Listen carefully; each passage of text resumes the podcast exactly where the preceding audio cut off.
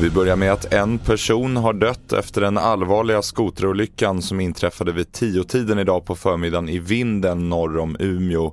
Skoterföraren kolliderade med ett godståg och anhöriga är underrättade och en utredning sker nu angående omständigheterna bakom olyckan.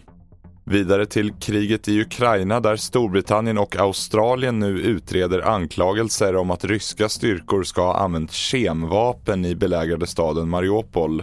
Utrikeskommentator Lisa Grenfors berättar att USA kommer att agera om det visar sig att uppgifterna stämmer. President Biden i USA har ju uttalat sig flera gånger om det här att eh, det kommer att bli om kemvapen används. Att det är en, en upptrappning av konflikten som kräver ett svar i så fall. Mer om utvecklingen i Ukraina på tv4.se.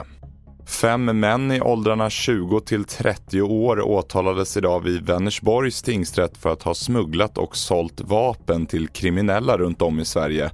Utredningen beskrivs av polis som mycket omfattande och männen åtalas för bland annat synnerligen grovt vapenbrott, inbrottsstöld och grov stöld på orter runt om i Västra Götaland.